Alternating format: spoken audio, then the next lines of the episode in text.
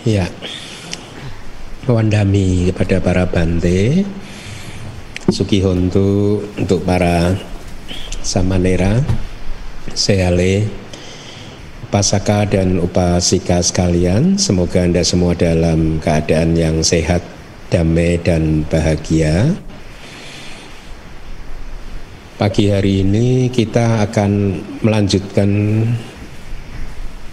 pembahasan tentang lima jenis marak ya. Jadi kita sudah apa eh, di dua kelas yang pertama sudah membahas uh, maaf sudah membahas apa yang pertama itu ada semacam kelas pertama semacam overview gitu Kemudian kelas kedua kita membahas tentang Dewa Putak Mara ya.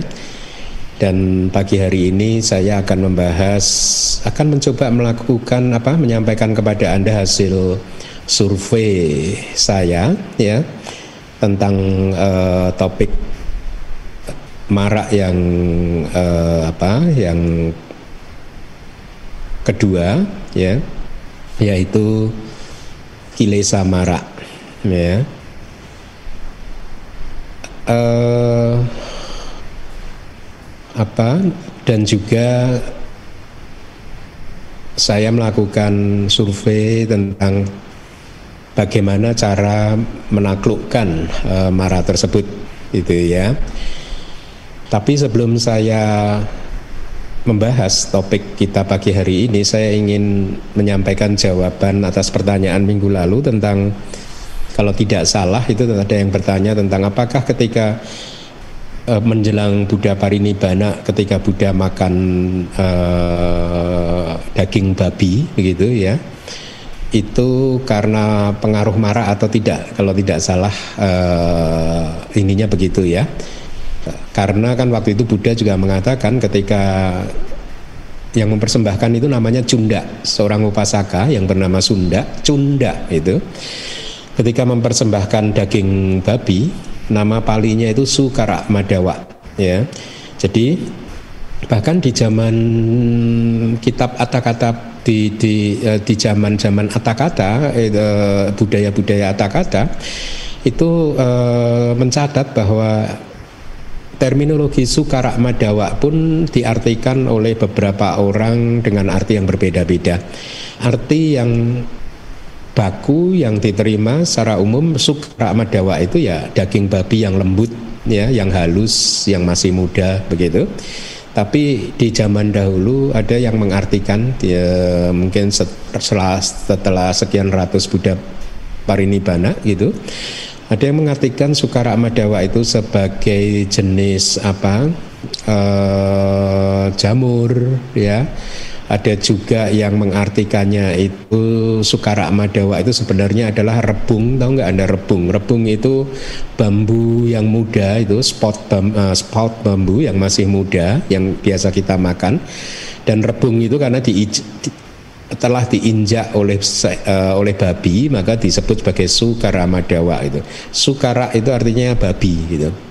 Ada yang mengartikan rebung ada yang mengartikan jamur. Ada juga yang mengartikan ini sebenarnya adalah semacam jamu. Jamu untuk panjang umur karena Cunda, upasaka Cunda mendengar bahwa sebentar lagi Buddha akan parinibbana dan Cunda berharap dengan persembahan eh, jamunya ini Buddha bisa berumur panjang begitu. Tetapi eh, mainstream gitu, eh, kata juga me, apa mengartikan sukara madawa ini adalah daging babi yang sudah tersedia, yang empuk, yang lembut gitu ya. Jadi uh, itu arti dari daging uh, sukara madawa. Nah, pada waktu dipersembahkan oleh upasaka Cunda, Buddha berkata, jangan ada yang makan kira-kira seperti itu ya uh, tidak ada makhluk lain selain saya yang akan kuat untuk makan ini begitu ya nah uh, di kata disebutkan bahwa ternyata daging babi yang dipersembahkan oleh Cunda itu sudah diberi oja. Oja itu kayak nutrisi, sari makanan oleh para dewa di empat benua yang dikelilingi oleh 2000 pulau. Begitu kata kitab komentar. Jadi di dewa ikut berdana ya memasukkan sari makanan ke daging babi tersebut dan Buddha mengetahui Itulah mengapa karena ada oja sari makanan atau nutrisi dari para dewa di empat benua yang dikelilingi oleh uh, eh, 2000 pulau tersebut, maka tidak ada makhluk mana pun yang bisa makan itu gitu ya. Oleh karena itulah kemudian Buddha mengatakan seperti itu, jangan ada yang makan gitu. Uh, saya akan memakannya seperti itu. Tidak ada yang sanggup selain saya, bahkan demikian itu kata Buddha. Jadi tidak ada pengaruh marak ya tapi semata-mata uh, penjelas penjelasan dari kata-kata adalah seperti itu. Nah baik, mari kita langsung masuk ke topiknya.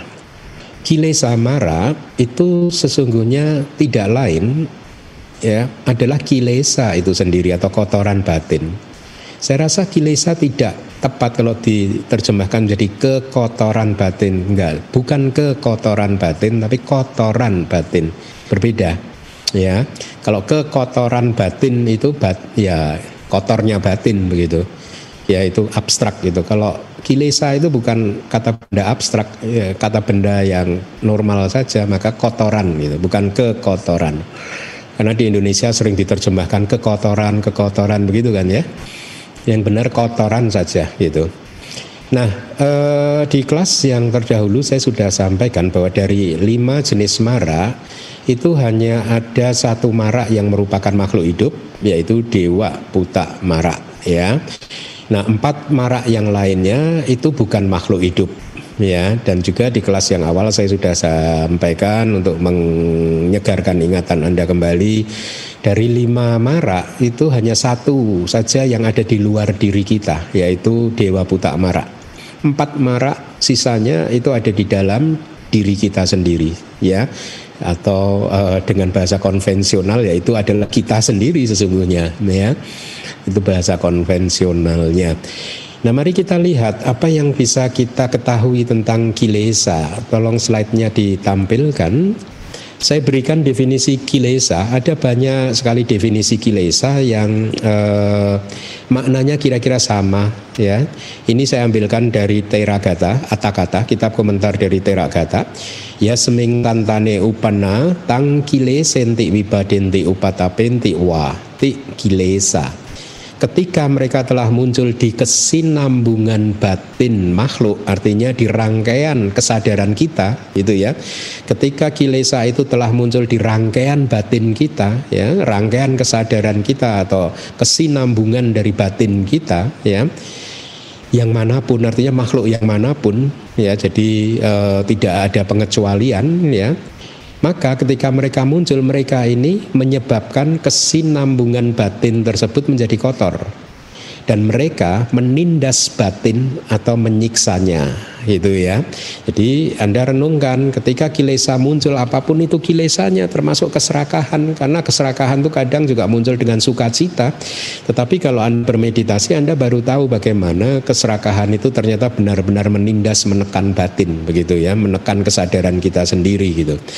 Itulah mengapa mereka disebut sebagai kilesa. Hanya uh, yang terakhir ada garis di atasnya itu hanya sebagai penanda bahwa ini adalah jamak plural, kotoran-kotoran batin. Nah, itu adalah definisi dari kilesa, ya. Kitab-kitab kita atau Buddha sering kali menyampaikan ada uh, sejumlah 10 kilesa. Next slide. Ya. Nah, itu adalah 10 kilesa yang biasa ditemukan di Sutta Pitaka, ya. Karena di Abhidhamma Pitaka ada sedikit perbedaannya gitu, ya. Uh, Anda bisa baca di manual Abhidhamma yang ketujuh yang sudah terbit atau nanti juga Katina yang akan terbit uh, uh, volume keduanya gitu.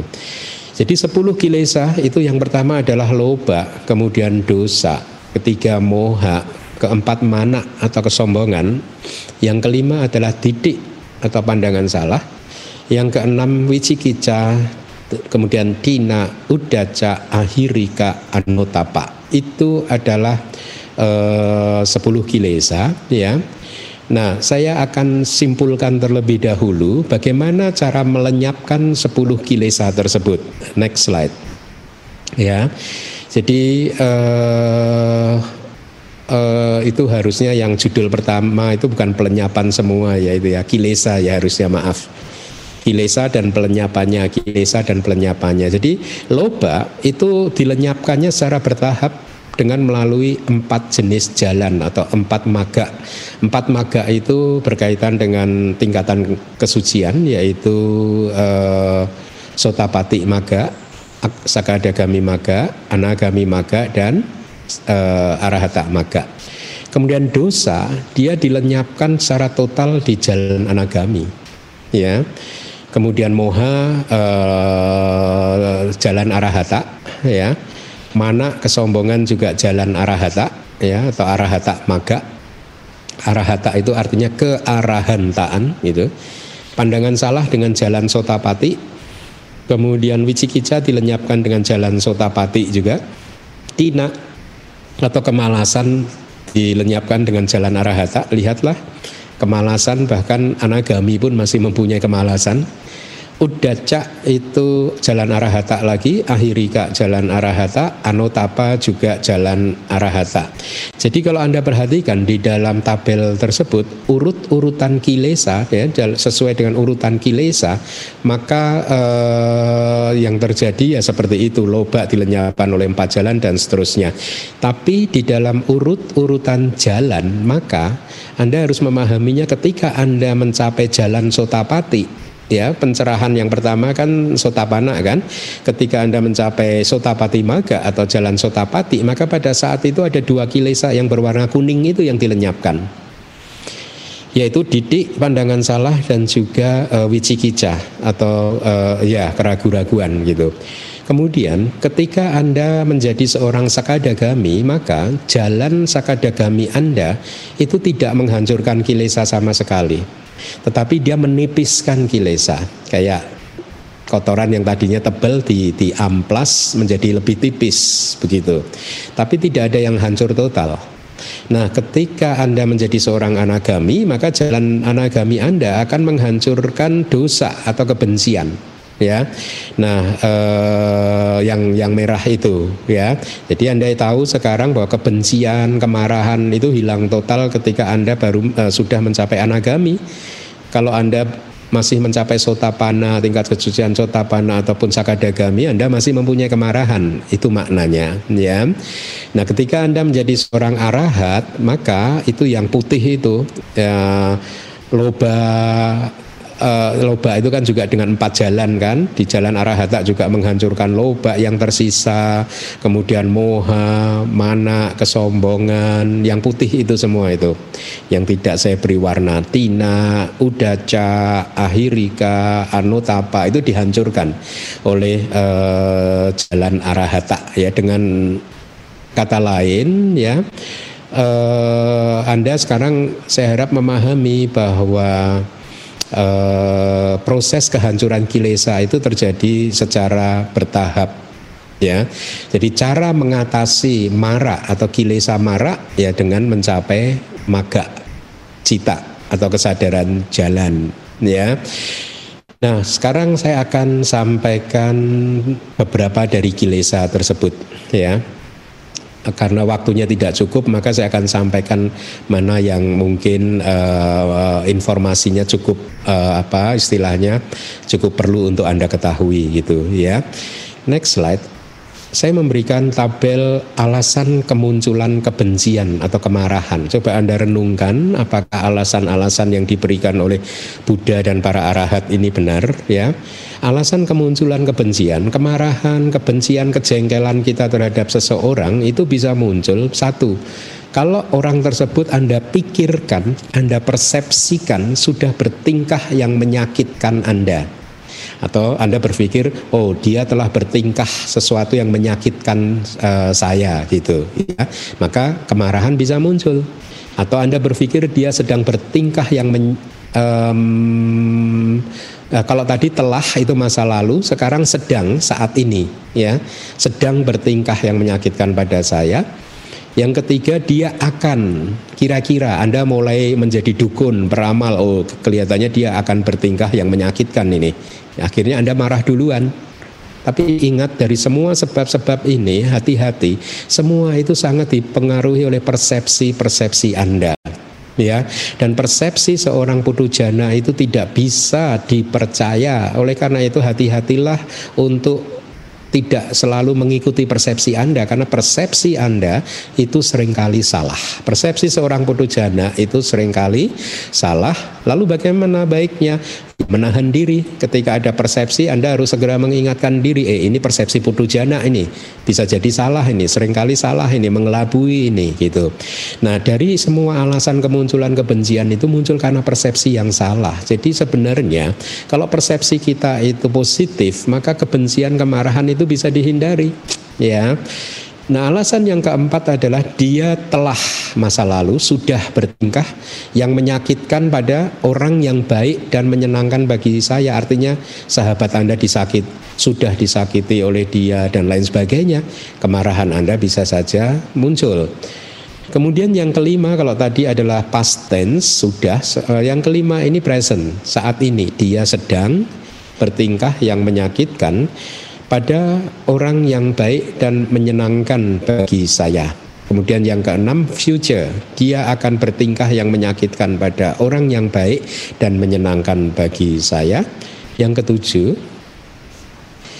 dia telah bertingkah yang menguntungkan pada orang yang tidak baik dan tidak menyenangkan bagi saya. Artinya dia sudah menjadi sesuatu orang yang menguntungkan orang yang kita benci, musuh kita, kira-kira begitu. Maka ketika Anda berpikir seperti itu, kemarahan, kebencian bisa saja muncul, ya. Dia sedang bertingkah yang menguntungkan pada orang yang tidak baik dan tidak menyenangkan bagi saya. Ini present tense, sedang. Kemudian yang kesembilan adalah future. Dia akan bertingkah, akan bertingkah yang menguntungkan pada orang yang tidak baik dan tidak menyenangkan bagi saya. Nah, sembilan alasan ini berkaitan dengan makhluk. Ya, saya sampaikan ini supaya Anda tahu kalau Anda marah itu pasti alasannya adalah salah satu dari sembilan ini atau yang nomor sepuluh. Kalau yang nomor sepuluh itu bukan makhluk, ya. Kemarahan yang muncul di tempat yang salah ini bukan makhluk, ya. Jadi misalkan gini, kemarahan yang muncul di tempat yang salah itu Anda mempunyai acara yang sangat penting, tiba-tiba turun hujan lebat yang membuat Anda nggak bisa nggak bisa uh, melakukan acara penting Anda tersebut dan Anda mulai marah-marah terhadap hujan. Oh, hujannya ini terlalu lebat. Anda marah, memarahi hujan tersebut gitu.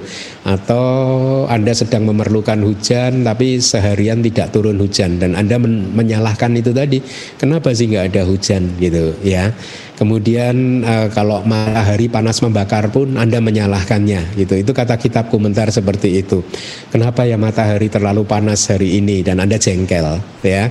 Atau matahari tidak bersinar Anda juga menyalahkannya lagi. Kenapa nggak ada matahari sama sekali ya hari ini gitu? Dan kejengkelan pun muncul ya.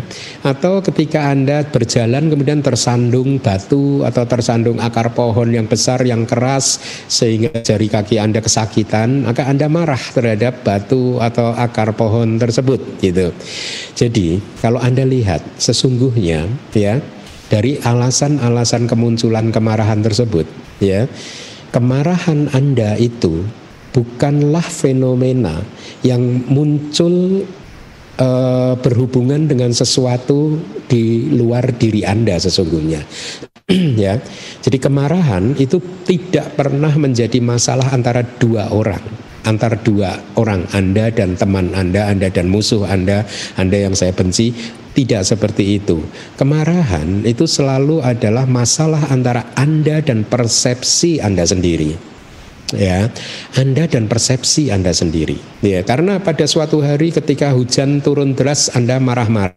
Di hari yang lain ketika nggak ada hujan turun sama sekali Anda marah-marah juga. Pada suatu hari Anda sedang kepanasan karena terik sinar matahari, Anda marah-marah. Di hari yang lain tidak ada matahari, Anda marah-marah juga. Ya sama, suami marah terhadap istri, istri marah terhadap suami, orang tua marah terhadap anak, teman terhadap sahabatnya, itu ya semua alasannya ya kalau direnungkan seperti itu kira-kira, ya. Nah, jadi kembali lagi, saya menyampaikan ini semua supaya kita, Anda semua bisa tahu tentang kilesa mara dan kita bisa mengerti tentang bagaimana cara untuk menaklukkan kilesa mara tersebut gitu ya. Nah, kitab kita juga mengatakan begini, sembilan alasan yang pertama itu merujuk pada makhluk ya artinya itu berkaitan dengan makhluk sembilan alasan yang pertama. Dan yang berbahaya adalah kemarahan yang muncul dengan alasan sembilan yang pertama ini bisa menjadi kamak patak. Istilah bahasa palinya terminologinya. Kamak patak itu adalah jalan kamak Arti jari jalan kama adalah sebuah kama yang mempunyai kekuatan untuk menghasilkan kelahiran kembali. Sebuah kama yang mempunyai kekuatan untuk memunculkan agregat-agregat. Sebuah kama yang bisa menghasilkan kesadaran penyambung kelahiran kembali. Itu artinya, dengan kata lain, Kemarahan yang muncul dengan sembilan sebab yang pertama, kalau dia itu menjadi karma yang produktif, menghasilkan kelahiran kembali, dia pasti akan memunculkan kelahiran seseorang yang marah-marah tersebut ke salah satu dari empat apaya. Ya, biasanya teks-teks kita mengatakan kemarahan itu muncul menghasilkan kelahiran di neraka. Ya, bayangkan ya betapa berbahayanya kemarahan itu. Oleh karena itu kita harus berjuang terus untuk bisa menaklukkan kemarahan, kilesa marah, ya. Nah, sementara alasan yang sepuluh ke sepuluh kemarahan yang muncul di tempat yang salah itu karena dia tidak merujuk pada makhluk, dia merujuk pada benda-benda ya, pada formasi seperti hujan, terik sinar matahari, batu dan lain-lain, maka Kemarahan tersebut tidak cukup kuat untuk menjadi kamak pada atau jalan kamak. Dengan kata lain, kemarahan tersebut tidak akan cukup kuat untuk memunculkan kelahiran kembali di empat apa ya. Uh, masih lebih jauh lebih bagus ini ya dibandingkan sembilan yang pertama walaupun tetap saja itu adalah uh, karma buruk. Jadi bagaimana Bante kalau yang ke-10 alasan yang ke-10 ini tidak bisa menghasil, menghasilkan kelahiran kembali lalu efeknya apa? Ya efeknya akan memunculkan buah aku salah yang tidak baik di sepanjang kehidupan ya. Misalkan Anda menjadi orang yang sering menemui objek uh, buah karma yang tidak baik ya, sering melihat buah karma yang tidak baik, objek yang tidak baik dan seterusnya ya. Nah, itu adalah tentang kemarahan. Sekarang saya akan coba sampaikan uh, kilesa yang lain yaitu kesombongan ya mana bahasa palinya? Itu adalah juga salah satu kilesa ya kesombongan. Ada tiga jenis kesombongan itu yang bisa anda baca di layar. Tiga jenis kesombongan ini bisa muncul dalam pikiran seperti ini. Saya lebih baik dari dia atau saya sama ya. Sama itu setara sederajat dengan dia atau saya adalah orang yang hina gitu ya Eh, tetapi selama ini Anda hanya mengenal ada tiga jenis kesombongan tersebut. Sesungguhnya ya Abhidhamma dan kitab komentar menguraikan tiga jenis kesombongan tersebut menjadi sembilan jenis kesombongan. Ya, nah Anda lihat itu sembilan jenis kesombongan. E, kolom yang pertama adalah kolom ketika Anda atau seseorang merasa saya lebih baik dari orang lain Kolom yang kedua ketika Anda atau seseorang merasa saya sama, setara, sederajat dengan orang lain. Kolom ketiga eh, itu adalah ketika seseorang atau Anda merasa oh saya ini adalah orang yang hina, saya ini apa sih, saya bukan siapa-siapa. Lihat, sering kan eh, saya sering mendengar orang-orang yang bermaksud untuk merendahkan dirinya seperti itu, tetapi itu bisa saja itu adalah kesombongan loh ya kesombongan merasa sebagai orang yang hina meskipun maksudnya merendahkan diri itu ya. Uh, kolom yang pertama saya lebih baik ya. Kalau ada seseorang merasa lebih baik dari orang lain maka uh, bukan bukan merasa sebenarnya. Dia tahu bahwa dia lebih baik begitu ya. Dia tahu bahwa dia lebih baik tetapi kemudian kesombongan itu muncul ketika dia membandingkan dengan orang lain dan dia mengatakan bahwa saya lebih baik atau saya berpikir uh, lebih baik dari orang tersebut begitu ya atau meskipun dia adalah orang yang uh, dalam posisi yang lebih baik, lebih tinggi, tapi dia uh, mengatakan atau berpikir atau uh, mengatakan kepada orang lain saya sama, setara dengan orang lain. Yang ketiga, orang yang lebih baik ini mengatakan bahwa saya adalah orang yang hina, gitu. Ya. Nah, kalau yang kolom kedua saya sama itu artinya dia tahu bahwa dia itu sesungguhnya setara, sederajat, tetapi kesombongan itu muncul ketika dia kemudian mengatakan saya lebih baik itu atau bahkan dia juga mengatakan secara publicly gitu open terbuka saya sama kok sama dia gitu. Atau uh, dia mengatakan oh saya ini adalah orang yang hina. Atau kolom yang ketiga seseorang yang tahu bahwa dirinya ini orang yang rendah, orang yang hina, tapi kesombongan itu pun masih tetap bisa muncul dengan cara merasa saya lebih baik dari yang lain, ya atau merasa saya sama dengan dia atau dia mengakui bahwa memang saya adalah orang yang hina, begitu, ya. Nah, e, dari slide tersebut saya ingin sampaikan kepada Anda cara untuk mengetahui ini adalah kesombongan atau tidak. Kesombongan itu mulai muncul. Arti dari mana? Arti bahasa palinya kesombongan itu mana. Mana itu berasal dari akar kata yang berarti mengukur. Kalau Anda sudah mulai mengukur diri Anda sendiri dan kemudian menilai Anda sendiri dan mengukur menilai orang lain serta membandingkan antara Anda dan orang lain, maka itulah kesombongan. Ya. Jadi menarik kalau memahami bahasa Pali itu jadi lebih lebih akurat kalau memahami terminologi-terminologi. Saya ulangi lagi, kesombongan itu bahasa palinya mana, berasal dari satu akar kata yang bermakna mengukur, menilai, membandingkan. Ya, jadi ketika Anda mulai mengukur diri Anda sendiri, menilai diri Anda sendiri dan orang lain, membandingkan diri Anda dengan orang lain, maka di sana akan muncullah kesombongan gitu, ya. Nah, kitab komentar menjelaskan begini, untuk seseorang yang lebih baik, ya, kesombongan yang benar itu hanyalah kesombongan sebagai orang yang lebih baik. Tadi di kolom pertama tadi, ya. Jadi untuk seseorang yang lebih baik, maka kesombongan yang benar itu adalah uh, kesombongan yang uh, pertama, yaitu yang dia merasa lebih baik, memang benar, ya. Dua kesombongan yang lain adalah kesombongan yang tidak benar. Ya meskipun tidak benar tapi tetap saja itu kesombongan itu ya. Artinya dia mengukur menilai dengan benar tapi tetap saja itu kesombongan ya. Dia membandingkan dengan benar tapi tetap saja itu kesombongan. Yang kedua, kolom kedua dan kolom ketiga itu tidak benar. Dia mengukur, menilai, membandingkannya itu tidak benar gitu.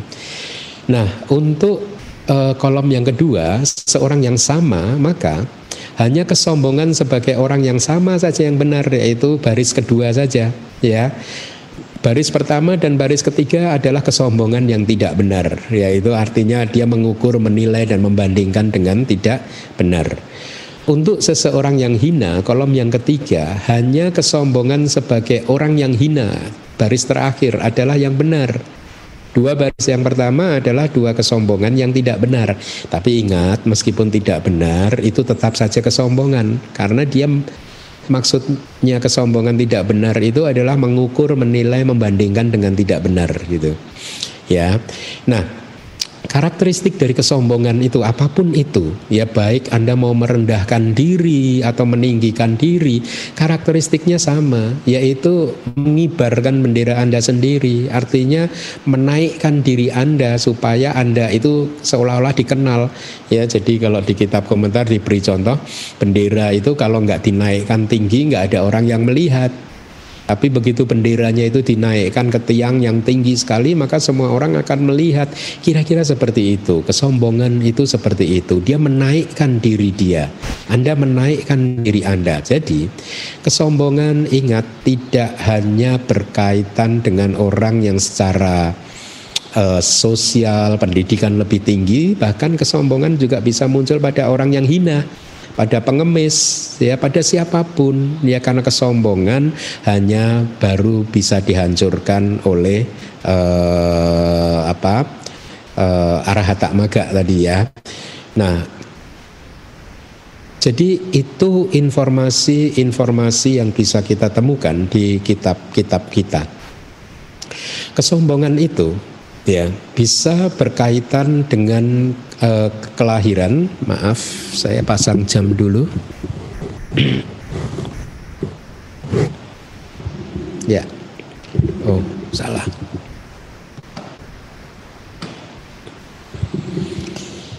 Ya, maaf. Kesombongan itu bisa muncul berkaitan dengan kelahiran, ya bisa juga berkaitan dengan uh, jadi kita merasa lebih baik kelahiran kita ya. Dan ini juga bisa berkaitan dengan sara juga suku agama ras ya. Antar golongan. Bisa saja memunculkan kesombongan. Oh saya dari suku yang paling baik saya dari agama yang paling baik saya dari ras yang paling baik saya berasal dari golongan yang paling baik. Atau bahkan saya berasal dari suku yang hina. Itu pun juga kesombongan ya. Tapi kitab kita menjelaskan seperti itu. Jadi kesombongan itu bisa muncul berkaitan dengan satu kelahiran kemudian uh, klan klan klan itu bahasa Indonesianya juga klan begitu ya. Fam begitu mungkin ya dari klan ini klan itu dan lain sebagainya. Atau tingkat kebangsawanan atau kerupawanan bahkan ya seseorang merasa lebih ganteng, lebih cantik begitu atau juga kekayaan ya atau juga berkaitan dengan pendidikan, belajar. Oh, pendidikan saya lebih tinggi dari yang lain, saya lebih uh, ini dan itu dibandingkan orang lain begitu. Atau juga karena bidang pekerjaan dan lain-lain. Nah, kitab kita memberikan uh, contoh begini. Untuk kolom yang pertama, untuk seseorang yang merasa lebih baik ya bukan. Kolom pertama itu adalah seseorang yang memang dia lebih baik tapi kemudian dia mengatakan bahwa saya lebih baik. Nah pada saat itulah kesombongan itu muncul gitu. Jadi di kitab memberikan contohnya begini. Seorang raja menyombongkan diri sendiri siapakah yang setara dengan saya dalam hal kerajaan kekayaan atau kendaraan-kendaraan yaitu berupa gajah, kuda dan lain-lain. Siapa sih yang bisa menyaingi saya? Dia meninggikan dirinya sendiri. Itu contoh untuk eh, kolom pertama baris yang pertama. Jadi saya lebih baik dan dia mengumumkannya bahwa dia juga memang benar lebih baik begitu. Kemudian kolom yang pertama baris yang kedua saya orang yang lebih baik tapi merasa setara ya jadi dia ini menempatkan dirinya sendiri sebagai orang yang setara dengan orang-orang yang lainnya dengan berkata seperti ini. Apakah perbedaan antara saya dan biku-biku yang lain dalam hal sila, dalam hal praktek gitu, dalam hal pertapaan dan lain-lain gitu ya. Sama saja kok saya dengan yang lain kok. Hati-hati. Kalau Anda mengatakan seperti itu itu pun juga adalah kesombongan. Kemudian baris yang ketiga untuk kolom yang pertama orang yang lebih baik tapi dia merasa saya adalah orang yang hina gitu. Jadi kesombongan itu akan e, muncul seperti ini. Saya ini adalah orang yang hina, apalah saya, saya ini orang biasa saja. Jadi dia menempatkan dirinya sendiri itu sebagai orang yang hina dibandingkan dengan orang-orang yang lainnya. Berdasarkan pada hal itu, dia memunculkan rasa inferiornya. Ya, kalau memunculkan rasa inferior, jadi rasa hina yang sedemikian rupa itu, dia tidak menghargai dirinya sendiri, status menjadi seorang yang tidak menghargai dirinya sendiri, ya. Dia itu mencibir dirinya sendiri, ya cibiran yang serius terhadap dirinya sendiri, penghinaan diri itu demi kata kitab uh, uh, Damasanggani ini kalau tidak salah rasa tidak hormat terhadap diri sendiri penyalahgunaan diri maka itulah yang disebut sebagai kesombongan seseorang yang lebih baik yang demikian berkata seperti ini saya adalah orang yang hina. Contohnya diberikan seperti ini.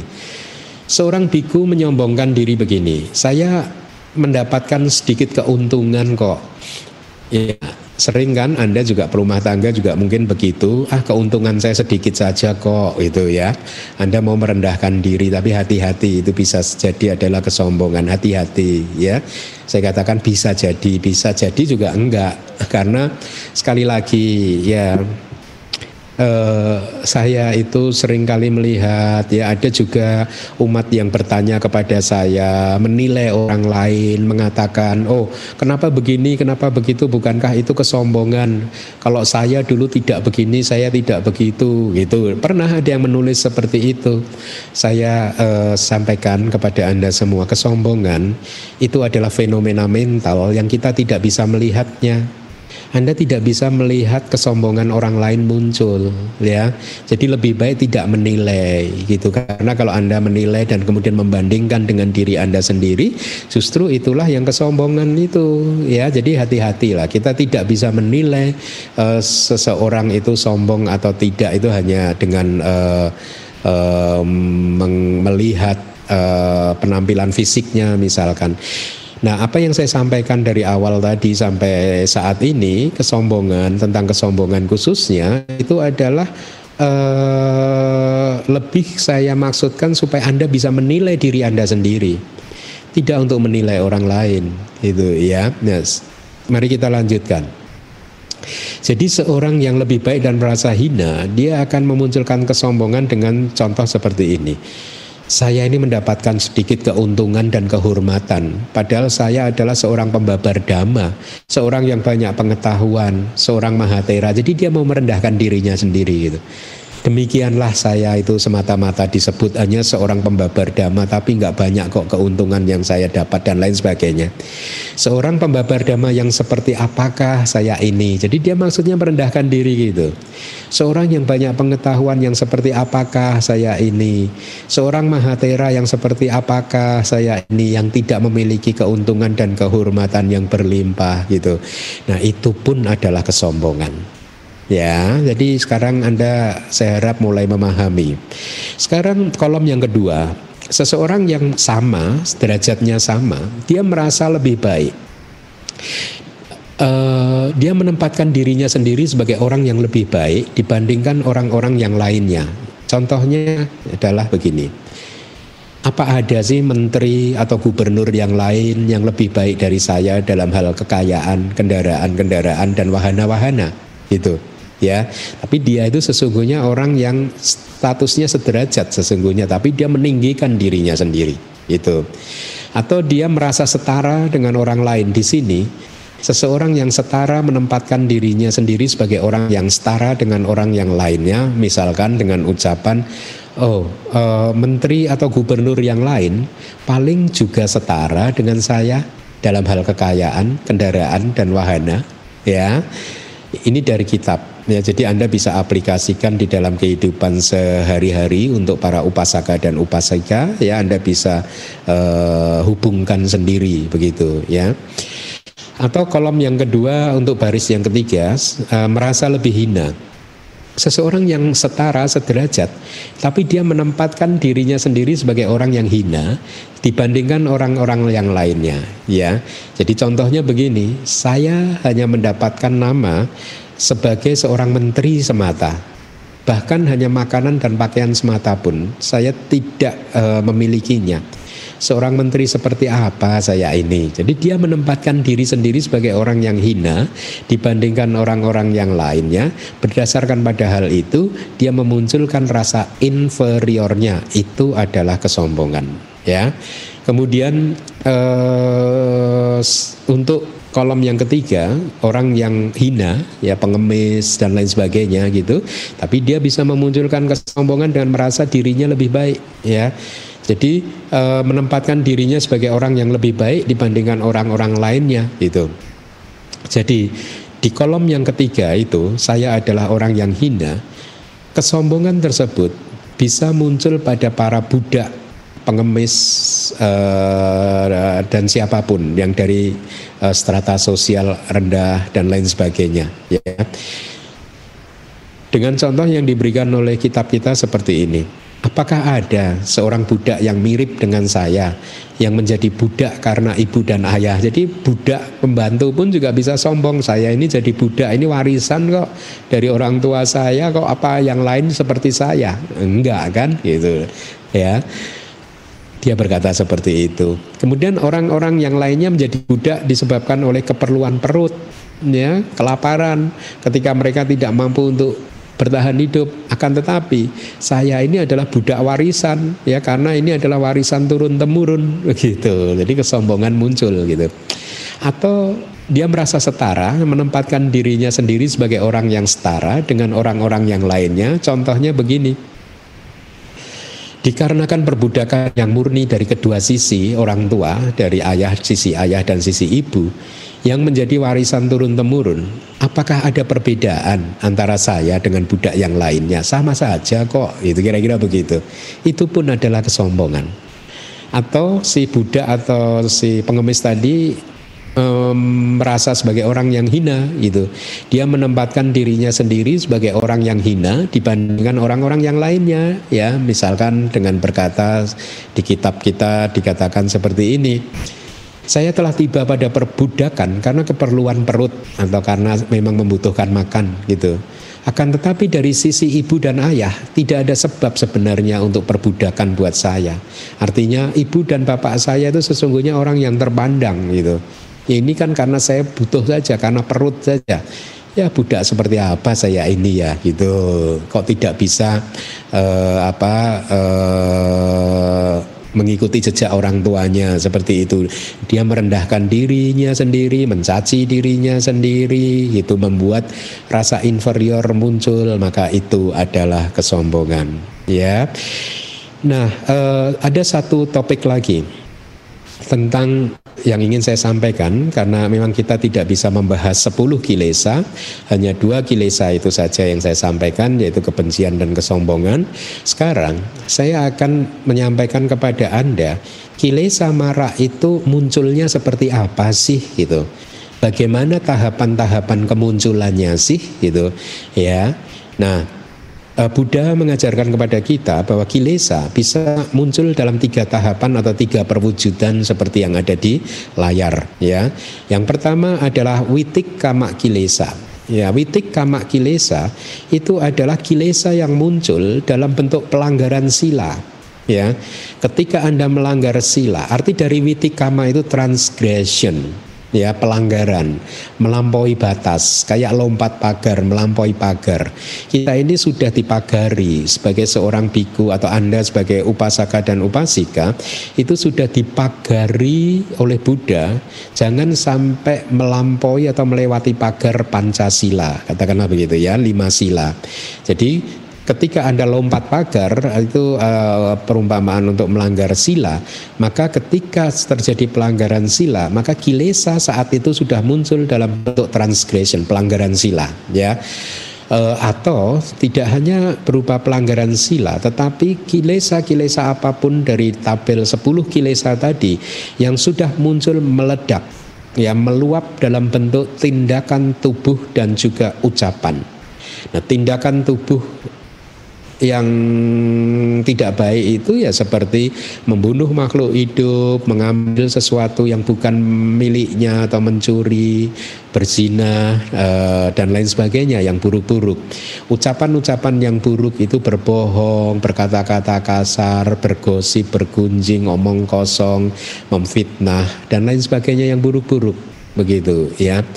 Nah, itu adalah bentuk kilesa yang paling kasar jadi titik kamak kilesa itu tadi adalah kilesa yang tidak berhasil kita tahan. Ya.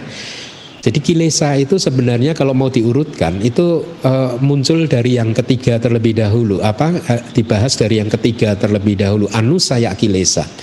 Anu saya kilesa itu adalah kilesa-kilesa yang hanya berupa tendensi saja, kecenderungan saja, tetapi dia muncul di rangkaian batin kita ya. Arti dari anusaya arti lainnya adalah berbaring tertidur berbaring ya. Dia tidak muncul ke permukaan batin kita tidak muncul ke permukaan pikiran tetapi dia hanya seolah dia sebenarnya belum dihancurkan oleh kita. Jadi meskipun dia tidak muncul, dia ini seolah-olah berbaring sesuai dengan namanya. Dia ini seolah-olah tertidur sesuai dengan namanya, menunggu kondisi yang tepat untuk muncul, ya. Anu saya kilesa ini tidak mempunyai eh, tahapan eksistensi. Kita mengenal tahapan eksistensi itu ada tiga, yaitu muncul, bertahan, lenyap. Nah, anu saya kilesa ini tidak mempunyai tahapan itu karena dia masih belum muncul. Ya, dia tertidur, dia berbaring tapi dia belum dihancurkan, gitu ya.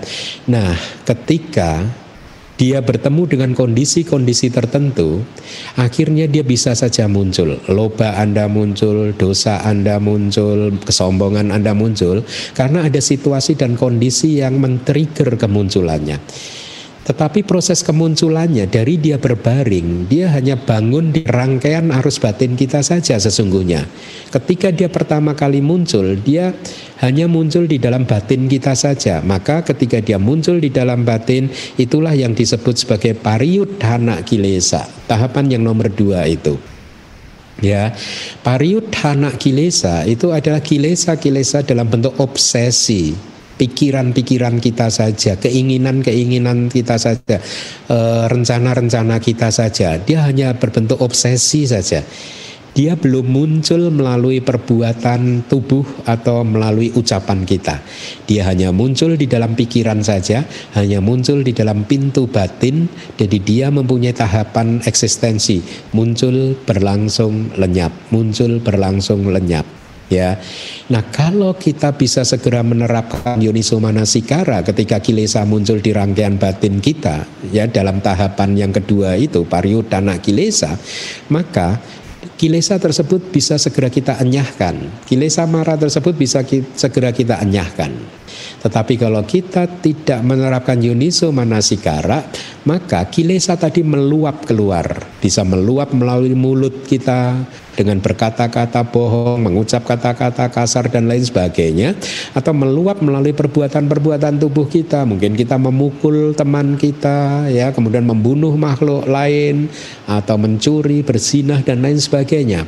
Nah, ketika sudah muncul seperti itu, itulah tahapan yang nomor satu itu witik kama kilesa.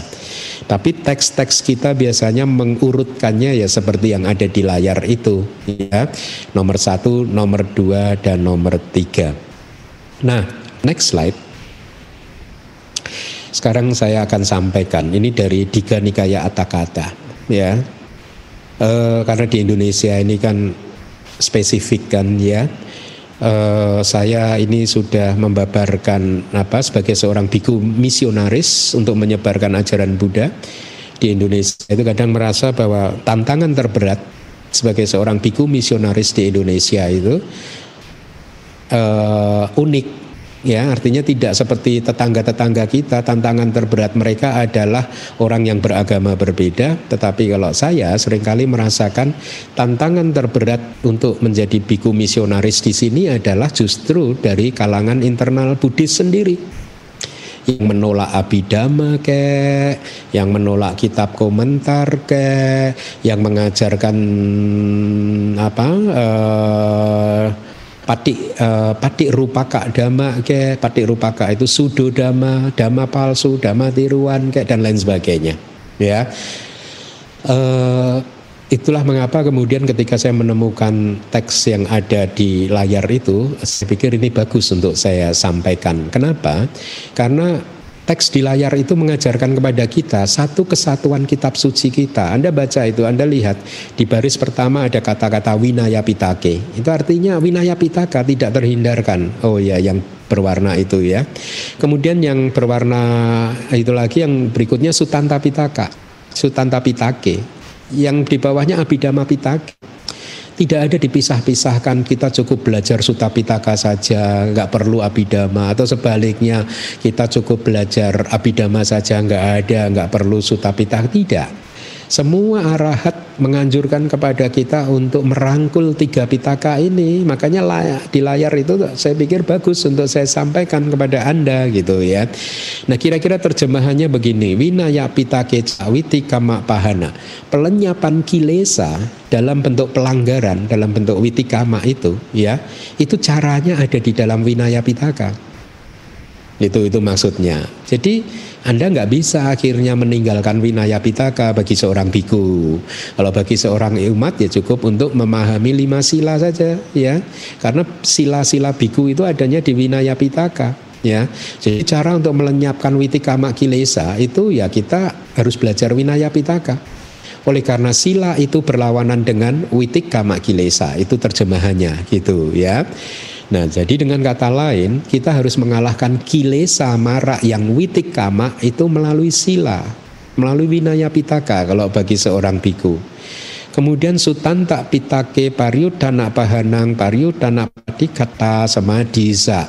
Kira-kira artinya pelenyapan kilesa yang obsesif ya pariudana pahanang ada di sutanta pitaka Cara pelenyapannya ada di Sutanta Pitaka karena Sutanta Pitaka mengajarkan berbagai macam uh, cara untuk mencapai samadhi, konsentrasi, jana itu ya. Karena itu makanya di situ disebutkan pariut tanah pati pakata oleh karena pariut lawan dari pariut tanah adalah samadhi adalah konsentrasi. Dan samadhi itu diajarkan di Sutapitaka. Demikian para arahat mengatakan ya. Lalu kalau Anda hanya mau belajar Sutta Pitaka ya Anda hanya belajar samadhi saja. Anda nggak akan bisa mengembangkan panya melalui Sutta Pitaka. Makanya di kalimat yang berikutnya Abhidhamma pitake anu saya pahanang anu saya patipakata panyaya Pelenyapan anu saya kilesa ada di Abhidhamma pitaka Kenapa? Karena itu tadi anu saya pati pakata artinya karena kebijaksanaan berlawanan dengan anu saya ya oleh karena lawan dari anu saya adalah kebijaksanaan. Dan kebijaksanaan panya itu diuraikan di dalam abidama pitaka begitu. Ya nah, sekarang anda tahu ya. Makanya kalau ada yang mengatakan yang berbeda dengan kitab suci kita ya anda cukup dengarkan. Jangan diikuti. Daripada anda menyia-nyiakan satu kelahiran ini saja satu kelahiran yang sangat berharga saat ini ya. Dengarkanlah kitab suci anda ya. Uh, supaya anda tidak salah arah. Jadi lihatlah ini hanyalah satu contoh. Saya bisa memberikan banyak contoh dan seperti yang Anda tahu, saya sudah menulis lebih dari 10 buku. Saat ini saya sedang menerjemahkan Majjhima Nikaya Atakata, Majjhima Nikaya dan kitab komentarnya. Jadi semuanya itu confirm seperti itu. Kita tidak bisa penggal-penggal, hanya belajar suta saja, tidak belajar abidama, ya. Nah, kalau Anda yang ingin menyebarkan sebagai upasaka misionaris, Anda bisa sebarkan itu teks tersebut ya jadi anda menjadi seorang misionaris Buddhis begitu ya. Bahwa ternyata Tripitaka itu tidak bisa dipisah pisahkan gitu ya. Nah uh, next slide. Sekarang saya akan berikan juga lima jenis pelenyapan kilesa ya. Ini hanya istilah saja. Tadi di awal sudah saya sampaikan pelenyapan kilesa itu melalui pencapaian maga tapi sekarang akan saya detailkan lagi. Yang pertama, pelenyapan kilesa itu melalui tadangga pahana. Tadangga pahana itu adalah pelenyapan melalui faktor yang berlawanan atau pelenyapan yang bersifat temporer, sementara waktu saja. Ya, uh, bahasa Pali dari itu wipasana kilesa tadangga wasena pahian titik artinya adalah dengan menggunakan wipasana kilesa-kilesa ditinggalkan dengan sementara. Itu arti dari cara melenyapkan marak yang disebut uh, kilesa marak. Ya, yang pertama kalau anda ingin melenyapkan sementara saja, sementara waktu maka dengan menggunakan wipasana. Ya, kilesa ditinggalkan dengan sementara. Yang kedua, wikam banak bahana, pelenyapan kilesa melalui pelumpuhan atau dengan cara melumpuhkan kilesa, dengan cara menindih kilesa. Penjelasannya adalah sama pati panakilese wikambeti artinya Samapati itu pencapaian, wikambeti pencapaian dalam hal ini adalah pencapaian jana. Pencapaian jana wikambeti melumpuhkan kilese, kilesa-kilesa. Itu ya. Jadi uh, dengan mencapai jana maka Anda melumpuhkan kilesa mara. Itu maksudnya. Yang ketiga, mago samut cindato upajati. Atau ini adalah samu cedak bahana pelenyapan melalui penghancuran. Nah baru sekarang kilesa maraknya dihancurkan. Kalau yang tadi dua tadi belum belum dihancurkan. Yang ketiga ini dihancurkan ya. Penjelasannya adalah mago samu cindanto upajati. Jalan atau maga muncul upajati sambil memotong atau menghancurkan kilesa secara total sam ucin danto ya. Jadi jalan maga cita kesadaran jalan yang menjadi sering kita ucapkan sebagai aspirasi kita semoga kita segera mencapai maga ya. Itu muncul itu dia ketika muncul dia sambil memotong atau menghancurkan kilesa secara total ya. Yang keempat pati pasadi pahana pelenyapan melalui peredaan diredakan. Jadi artinya kilesa yang sudah dihancurkan total tadi ibaratnya api yang e, baru saja dipadamkan asapnya masih keluar maka asapnya pun harus diredakan dengan disiram oleh e, air yang dingin gitu supaya akhirnya bekas yang terbakar itu sama sekali tidak ada asapnya gitu. Itu perumpamaannya. Jadi setelah kilesa dihancurkan maka masih perlu diredakan lagi yaitu dengan yang keempat. Palang pati e, pati pasambaya manang artinya buah itu adalah dhamma yang meredakannya ya.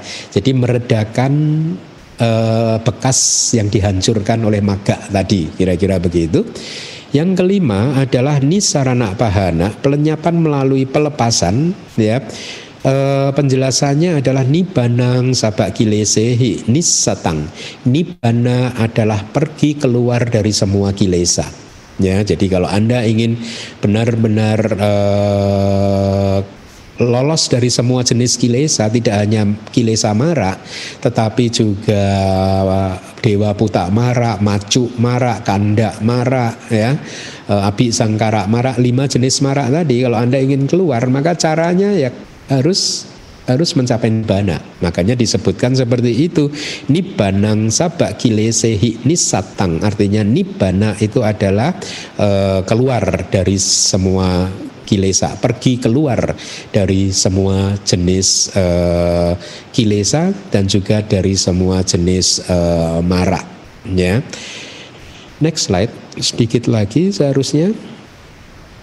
Ah ya, saya tidak sempat menerjemahkan ini gitu, tapi saya akan coba terjemahkan uh, tolong dipertahankan slide-nya. Silang pada hanang katua kasina pari kamang arabit Pak.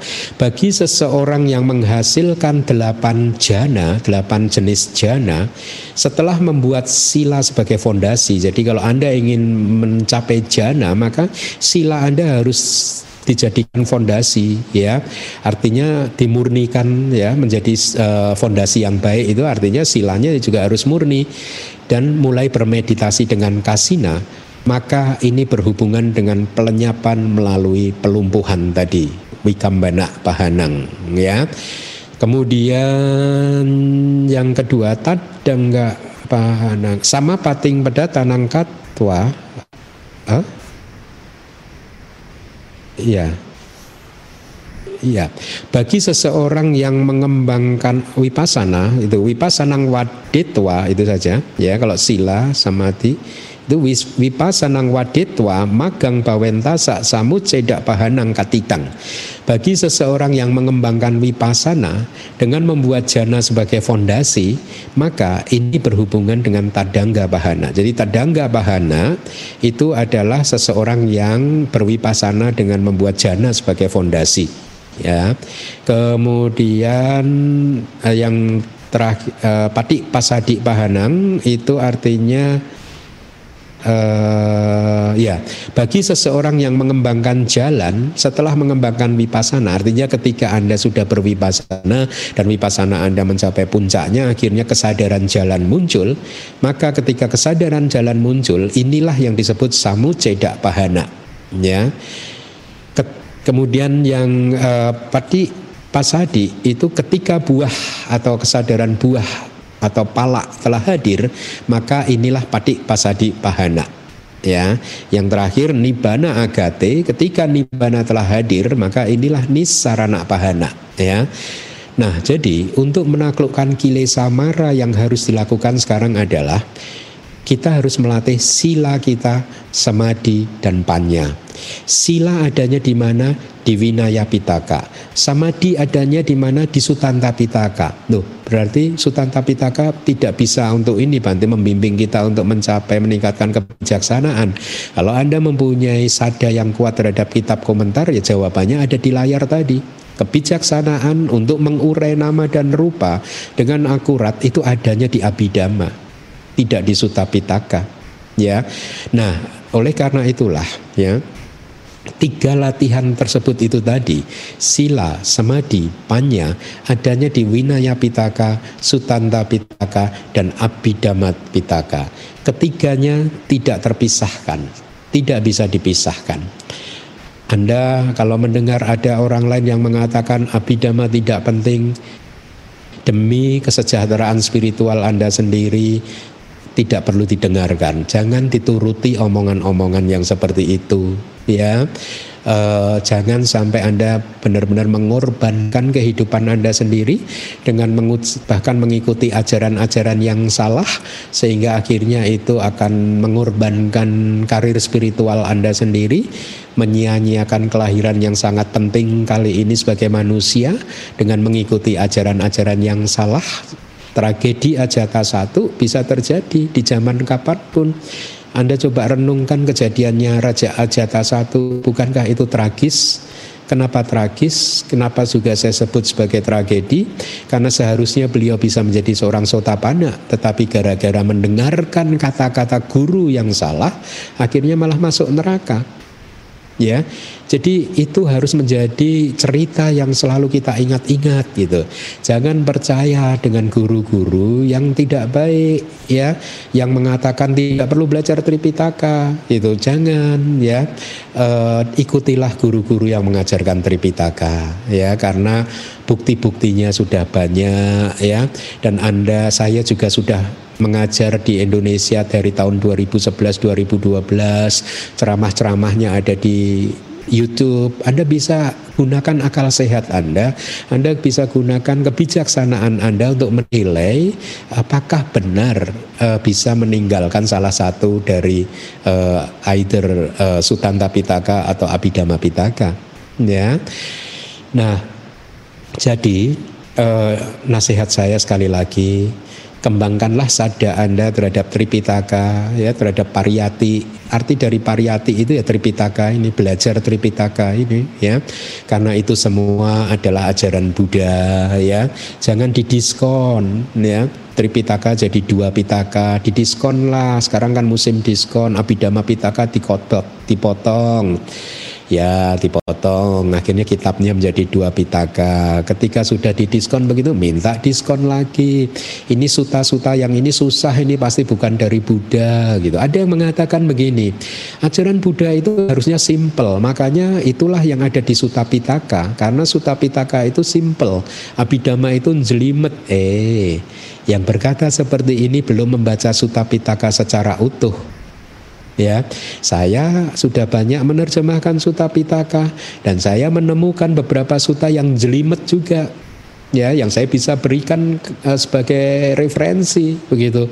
Kalau dikatakan suta pitaka enggak jelimet juga salah juga. Abhidhamma jelimet enggak juga karena suta pitaka juga jelimet begitu. Jadi sama sama. Kitab kita adalah Tripitaka ya kembangkanlah sada kitab kita adalah Tripitaka. Jangan minta diskon, belajarlah secara total ya.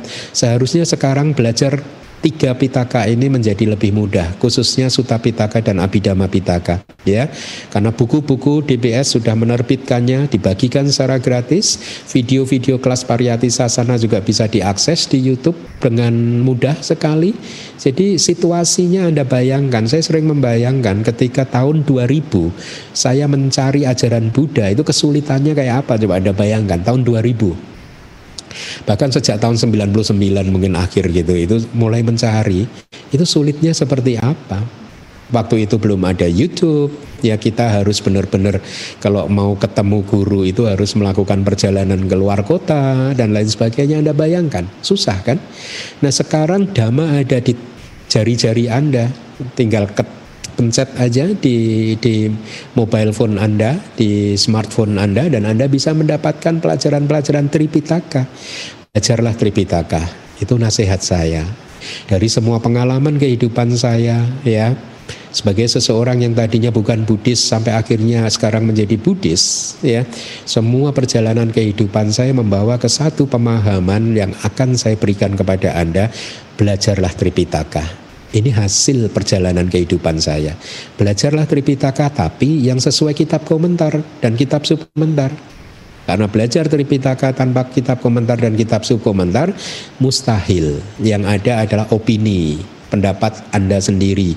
Daripada mengikuti pendapat orang yang belum tercerahkan, lebih baik kita mengikuti pendapat yang ada di kitab komentar yang itu adalah pendapat para arahat. Ya. Uh, uh, dulu saya pernah ditanya oleh seseorang, Bante saya uh, kira-kira ini kalau plus uh, kurang lebihnya begini. Boleh nggak Bante saya mengatakan bahwa kata-kata ini ditulis oleh arahat? Waktu itu saya mengatakan jangan jangan dulu karena saya belum mendapatkan buktinya begitu. Tetapi eh, belakangan saya mendapatkan buktinya ya eh, sehingga saya sekarang berani mengatakan bahwa kitab komentar yang awal ini memang benar-benar ditulis eh, adalah merupakan pendapat para arahat di masa lalu.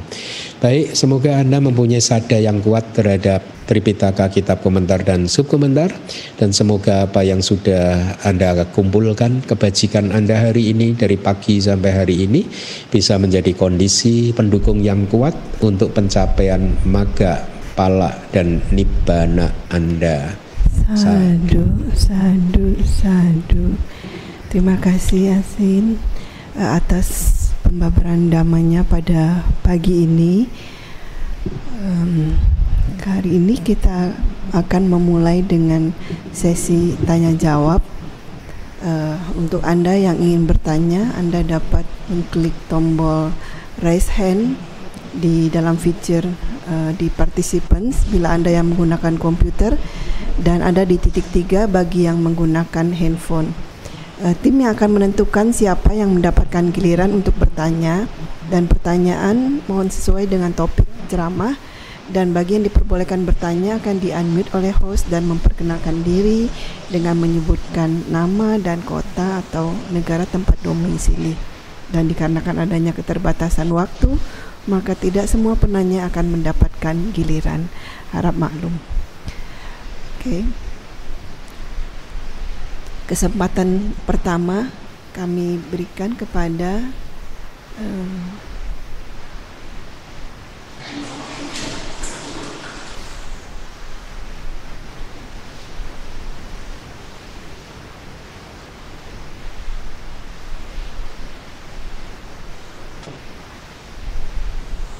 Oke. Yang pertama pertama kepada Bapak Joni kami persilakan Bapak Joni.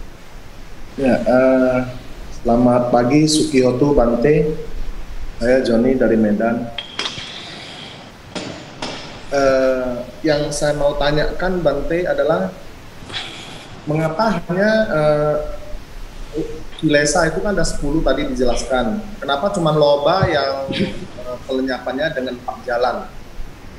Sementara kan ada itu kan seperti ya, dua melalui Sotapati maga, satu melalui anagami maga, berarti ada ada lima yang eh, melalui arahata maga. Nah, kenapa yang si eh, loba ini ya yang empat jalan ya? Kenapa enggak arahata jalan arahata juga? Apakah eh, dengan mencapai sotapana itu seharusnya kan 10 kilesa itu juga sebagian dilemahkan begitu, Bante. Jadi kenapa hanya yang loba saja yang di tulis pelenyapannya dengan empat jalan gitu. Iya, baik Pak. Ya seperti yang Anda uh, ketahui bahwa kebenaran mulia yang kedua itu tanha kan, eh, apa asal mula dari penderitaan itu tanha, nafsu kehausan.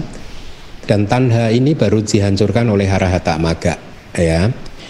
Eh, tanha ini tidak lain juga adalah loba, Pak, cetasika loba. Ya. Tetapi keserakahan itu, Pak, itu eh, muncul dalam berbagai eh, perwujudannya. Ya. Misalkan ada keserakahan yang muncul dalam bentuk kamak raga yaitu nafsu untuk menikmati objek-objek panca indera. Ya ini dihancurkan baru dihancur ini pun loba dan itu dihancurkan oleh uh, anagami maga jadi kalau tanha tadi secara total dilenyapkan oleh arahata maga maka uh, ana, uh, anagami maga menghancurkan kama raga. Arahata maga juga menghancurkan menghancurkan rupa raga dan arupa raga. Ya. Rupa raga dan arupa raga itu uh, adalah uh, nafsu untuk terlahir di rupa Brahma dan juga di arupa Brahma. Jadi manifestasinya itu uh, uh, ada banyak sekali begitu ya. Nah uh, kemudian nafsu-nafsu yang lain atau keserakahan-keserakahan yang lain gitu ya yang berkaitan dengan keserakahan terhadap pandangan ya keserakahan terhadap teori-teorinya sendiri ya keserakahan atau uh, mungkin bahasa lebih mudahnya adalah attachment pelekatan ya terhadap pandangan terhadap teori-teorinya sendiri begitu. Itu dihancurkan oleh sotapati maga Ya, itulah mengapa akhirnya di dalam pencapaian sotapati maga pun itu pandangan salah lenyap. Meskipun pandangan salah ini bukan keserakahan, tetapi ini adalah dampak dari penghancuran juga keserakahan terhadap pandangan-pandangannya sendiri. Itu terhadap teori-teorinya sendiri, terhadap konsep-konsepnya sendiri yang salah, ya.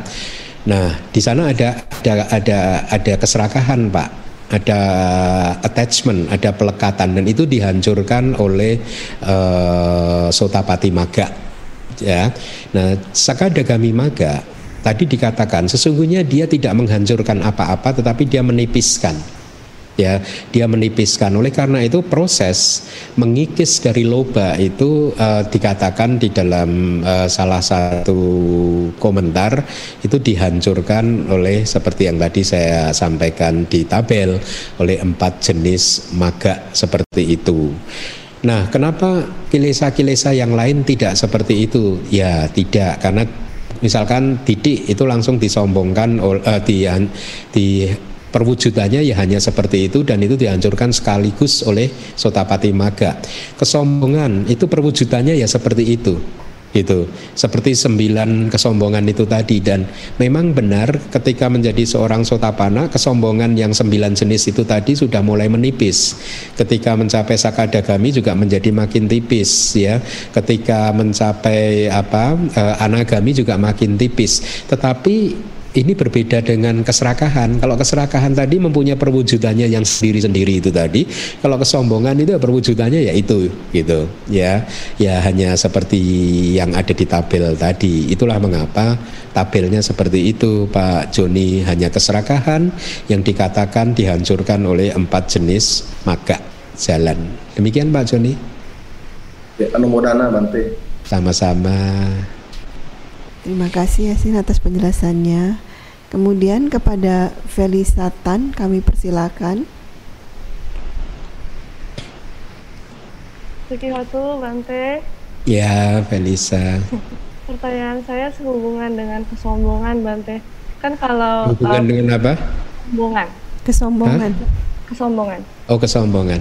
Ya, kalau pola pikir manusia itu kan penuh dengan dualisme ya, baik atau buruk begitu. Jadi pertanyaan saya adalah ketika kita menilai secara objektif, misalkan uh, superior gitu, uh, kan tetap kesombongan. Tapi kalau kita menilai diri kita itu inferior, itu kan juga kesombongan gitu ya. Nah jadi di dalam dualisme keduniawian ini, bagaimana caranya supaya kita nggak perlu merasa superior maupun inferior seperti itu. Baik, uh, apa? Jadi uh, kembali lagi ke arti dari kata bahasa Pali mana ya. Artinya tadi menilai, mengukur, membandingkan ya. Jadi uh, sebenarnya kita jangan disibukkan untuk menilai diri kita apakah kita ini benar-benar lebih baik atau setara atau bahkan menginferiorkan diri kita sendiri gitu. Yang kita menyibukkan diri adalah sesungguhnya menyibukkan diri terhadap apa yang sudah kita lakukan saat ini. Apakah sudah ada kemajuan gitu? Misalkan eh, sejak tahun 2000 mengenal agama Buddha, sampai hari ini kemajuan apa yang sudah saya dapatkan ya hanya untuk menilai untuk diri kita sendiri saja berhenti di sana dan tidak mulai membanding-bandingkan dengan orang lain itu ya. Oh sejak mengenal agama Buddha sudah banyak tugas yang saya eh, jalankan, ada tugas yang belum saya jalankan gitu. Uh, ini yang perlu saya harus segera jalankan. Tapi saat ini saya masih mempunyai kewajiban ini dan seterusnya, maka ini harus saya put aside dulu ya. Jadi uh, menilai diri hanya di dalam pikiran tetapi tidak kemudian terlibat dalam membandingkan dengan orang lain. Hanya menilai diri kita dalam uh, koridor tentang apa yang sudah kita lakukan dan apa yang belum dan apa yang kemudian harus kita lakukan di dalam uh, uh, kehidupan ini. Kalau Anda menemukan oh Anda selama ini sudah sampai hari ini sudah mendapatkan pencapaian yang cukup bagus, bersyukurlah berhenti untuk menilai, berhenti untuk membandingkannya dengan orang lain. Itu kita syukuri. Oh ya, syukur. Ya eh, apa? Uh, saya sering uh, juga uh, ini sekali lagi kesombongan itu bukan berarti nggak pernah bercerita tentang diri kita ya, tapi yang tahu kesombongan itu adalah kita sendiri. Karena yang mengatakan kok sering bercerita tentang diri sendiri, Buddha juga sering bercerita tentang diri sendiri dalam kitab sucinya. Ya, Buddha juga mengatakan di dalam ajaran saya ini uh, tidak ada ajaran uh, bahkan itu misalkan nih kalimatnya Buddha ya tidak ada ajaran di luar ajaran saya yang ada orang mulianya. Itu kata-kata Buddha. Artinya di luar ajaran Buddha menurut Buddha tidak akan bisa membawa ke pencerahan. Apakah itu kesombongan? Kalau Anda menilai dari kata-katanya, Anda akan banyak menemukan kata-kata Buddha. Uh, maksudnya Anda itu bukan Felisa ya, siapa pun ya. Siapa pun menilai kesombongan itu dari kata-kata, maka ketika membaca kitab suci, Anda akan menilai Buddha sombong. Karena banyak sekali Buddha bercerita tentang diri Buddha sendiri gitu. Ya. Nah, tapi kan kesombongan itu cetasika, faktor mental yang hanya bisa dilihat oleh satu yang bersangkutan, kedua mereka yang punya kesaktian, abinya. Ya, maka ini ini jawaban bagus nih buat Anda semua nih. Kalau ada teman Anda menilai Anda begini begitu, oh Anda itu sombong begitu, Anda ucapkan positif aja, oh congratulations. Berarti Anda udah punya kesaktian sekarang bisa membaca pikiran saya. Gitu. Ya nah kembali lagi. Kalau misalkan saya bercerita tentang saya, saya menjaga mudah-mudahan itu bukan kesombongan. Semata-mata hanya untuk menyampaikan apa yang sudah saya lakukan untuk menginspirasi Anda. Ya. Jadi uh, sering kali juga saya begitu uh, oh sejak mengenal dulu bahkan sering kali juga saya dalam perenungan itu merenung begini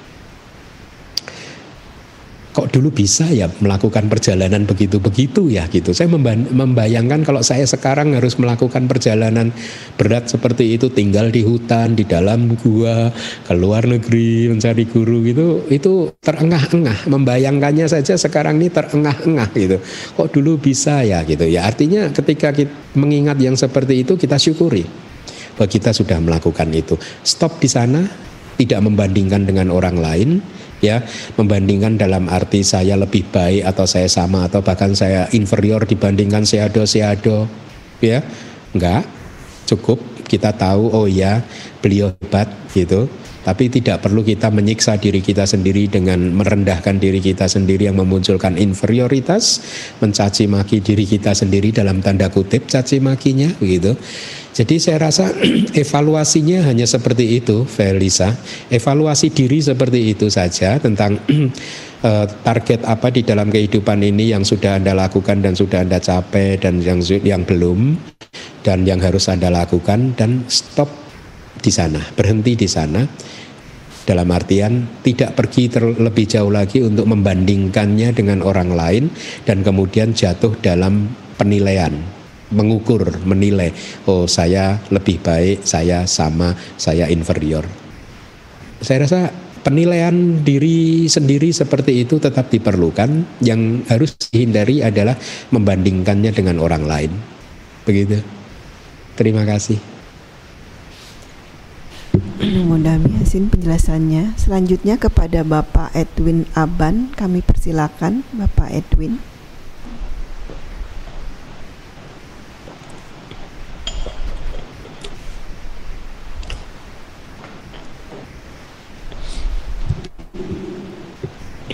Ya, saya Edwin dari Malaysia. Uh, mungkin lebih keras sedikit Pak Edwin. Halo, Mas. Hmm, nggak kedengaran. Pak Edwin, boleh diulang? Halo. Kedengaran? Iya, kedengaran Pak. Halo. Iya, kedengaran Pak.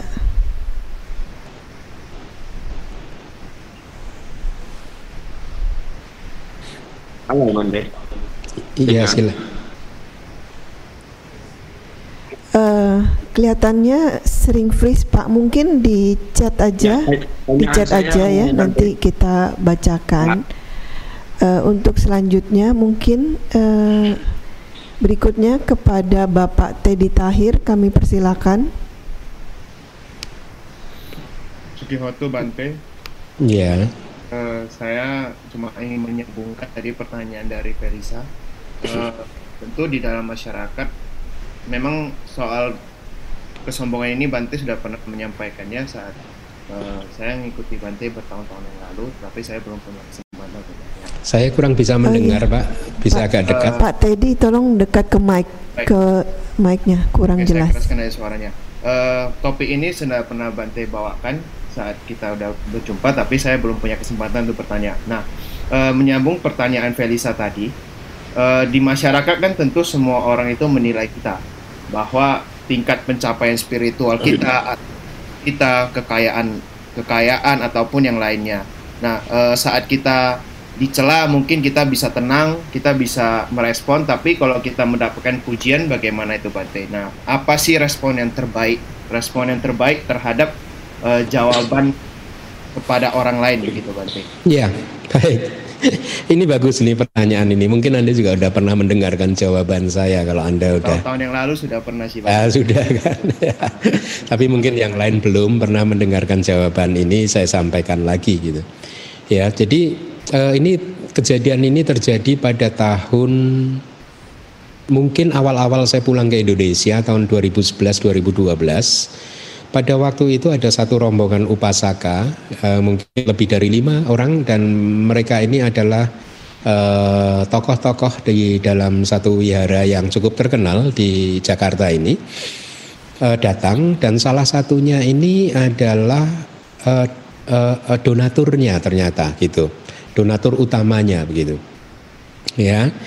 Nah, ketika perkenalan gitu, memperkenalkan diri masing-masing itu, kemudian juru bicaranya eh, ketika sedang memperkenalkan donatur utama itu tadi, gitu, eh, dia memperkenalkan Bante, ini eh, Bapak A ini adalah donatur yang berdana tanah di wihara yang cukup terkenal itu di Jakarta atau saya lupa lah dana bangunannya atau dana tanahnya saya lupa gitu. Pokoknya dia, dia donatur utama gitu, ya. Nah, ketika diperkenalkan itu apa yang terjadi? Si bapak yang donatur utama itu tadi berkata, "Enggak, Bante, enggak, enggak. Aduh, saya ini apa sih? Masih ini enggak, enggak, enggak, Bante." Terus dia berkata kepada juru bicaranya, "Kamu jangan begitu dong. Enggak, Bante, enggak." gitu. Kira-kira begitu. Dan itu kan memang tradisi yang diajarkan mungkin oleh sebagian dari orang tua kita gitu mungkin ya.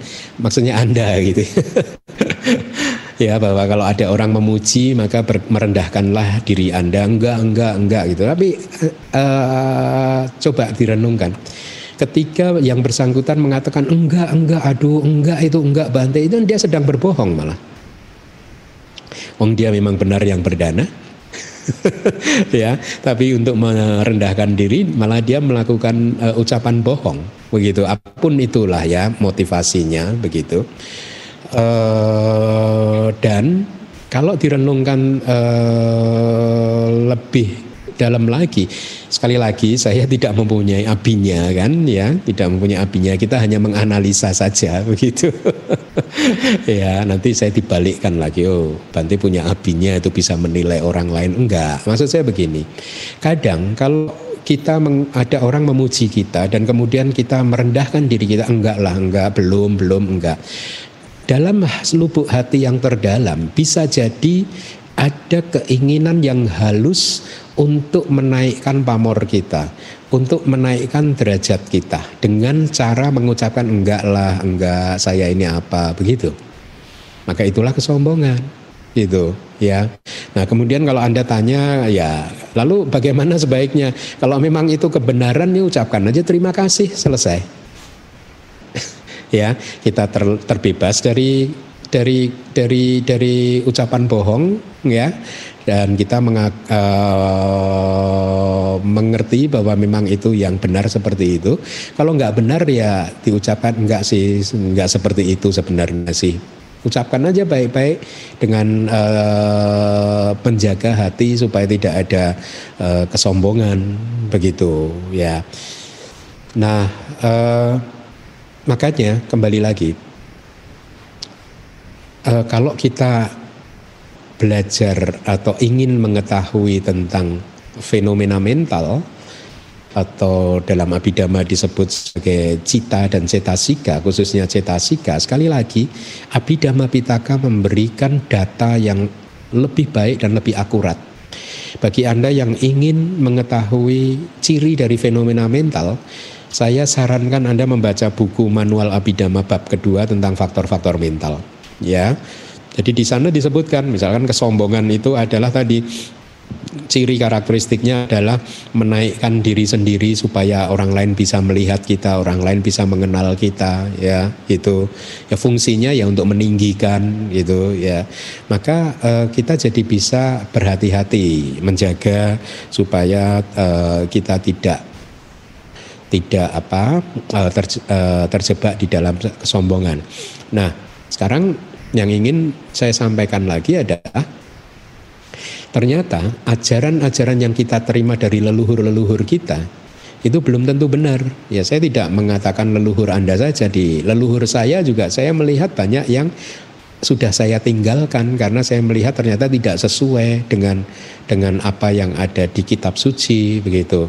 Nah, saya saya juga percaya banyak ajaran-ajaran dari leluhur-leluhur Anda yang Anda warisi ya, dan Anda lakukan sampai hari ini itu ya Anda tetap harus juga menilainya dengan bijaksana Ya, salah satunya yaitu tadi cara menjawab kalau ada orang memuji Anda, maka rendahkanlah diri Anda. Enggak lah, enggak. Nah, itu harus Anda uji dengan kitab suci apakah itu benar-benar sikap rendah hati atau justru itu sikap tinggi hati, ya. Karena kesombongan ternyata bisa muncul ketika seseorang merendahkan dirinya sendiri gitu, memunculkan rasa inferioritasnya. Demikian uh, semoga membantu. Terima kasih. Ada Bapak Hasan Go, kami persilakan Pak Hasan.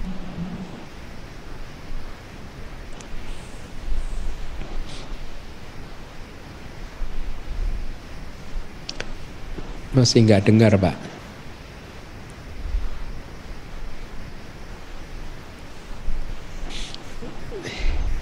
Nggak dengar juga. Di unmute Pak mungkin sudah di unmute belum ya? Belum. Mungkin eh, headsetnya mungkin Pak bermasalah. Kalau langsung ke eh, ke laptop atau ke handphonenya, apakah bisa?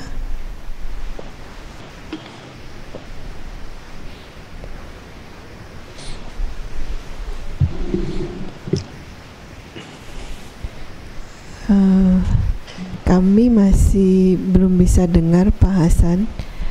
Eh, kalau gitu kami nanti tolong di chat aja Pak. Nanti saya bacakan.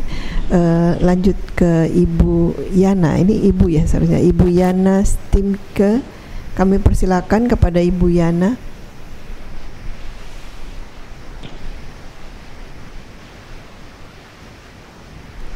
Tukihon Bante, Iya. Um, Yana di Florida. Um, just one question. Tadi saya sempat kehilangan konsentrasi waktu Bante bilang masalah wipasana ditopang dengan jana. Bisa diulang sedikit pengulasannya Bante? Apa tadi pertanyaannya? Yang penjelasan di wipasana ditopang dengan jana. Oh, I see. Ya, baik. ya, Terima kasih Bante. ya. Sebenarnya begini, poin satu yang ingin saya tekankan.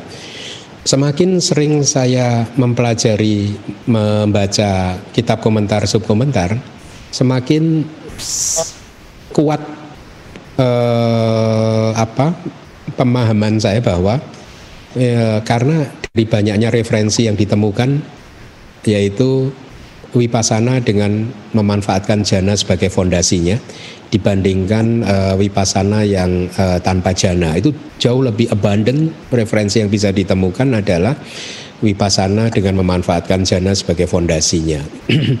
Itu nah eh, begini maksudnya. Jadi padaka jana itu bahasa palinya padaka jana. Jana yang berfungsi sebagai fondasi. Ya artinya begini Ketika Anda ingin berwipasana, maka pertama yang harus Anda lakukan adalah mencapai jana terlebih dahulu. Ya. Mencapai jana satu, jana dua, jana ketiga, jana yang keempat dengan masing-masing jana sudah dikuasai dengan baik ya. Nah, setelah itu setelah Anda menguasai semua rupa wacara jana tersebut eh, Anda bisa eh, menggunakan salah satu jana itu sebagai fondasi untuk berwipasana ya.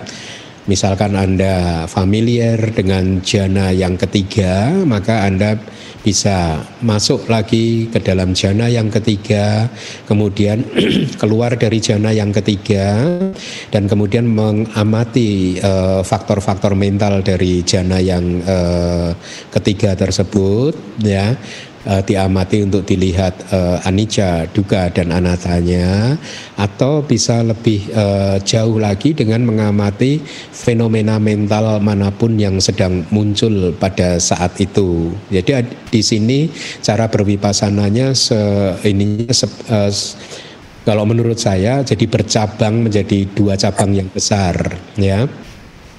Ada yang mengajarkan dengan cara berwipasana secara sistematis, yaitu dengan mengamati eh, apa faktor jana, kemudian proses kognitif di pintu batin, atau kemudian juga mengamati eh, eh, materi-materi yang menjadi penopang dari fenomena mental dan seterusnya.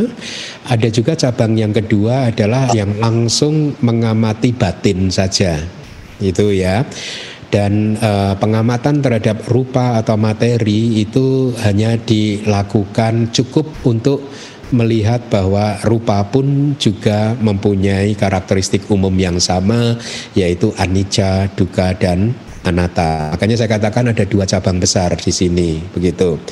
Tapi poinnya adalah sebenarnya sama yaitu merealisasi nama dan rupa, batin dan jasmani eh, in the light of anicca, dukkha dan anatta. Ya untuk melihat bahwa nama dan rupa ini tidak kekal penderitaan dan eh, bukan diri gitu.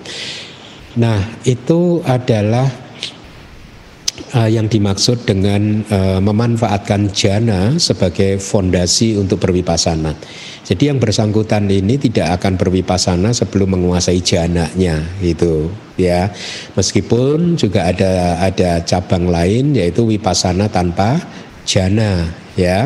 Wipasana tanpa jana berarti dia dari awal hanya mengamati uh, nama dan rupa yang tentu saja itu bukan realitas hakiki tapi nama dan rupa e, konsep. Karena realitas hakiki hanya akan bisa dilihat ketika yang bersangkutan sudah mencapai konsentrasi yang benar begitu. Ya nah itu sangat sangat teknis sekali. E, begitu e, siapa tadi yang bertanya jadi maksud daripada kak jana atau jana yang berfungsi sebagai fondasi untuk berwipasana itu seperti itu. Jadi Anda harus menguasai semua jana, kemudian uh, jana yang menjadi favorit Anda misalkan jana yang ketiga, Anda masuk ke jana yang ketiga, keluar Anda amati faktor jananya dan kemudian berwipasana dengan memanfaatkan uh, konsentrasi setelah keluar dari jana tersebut.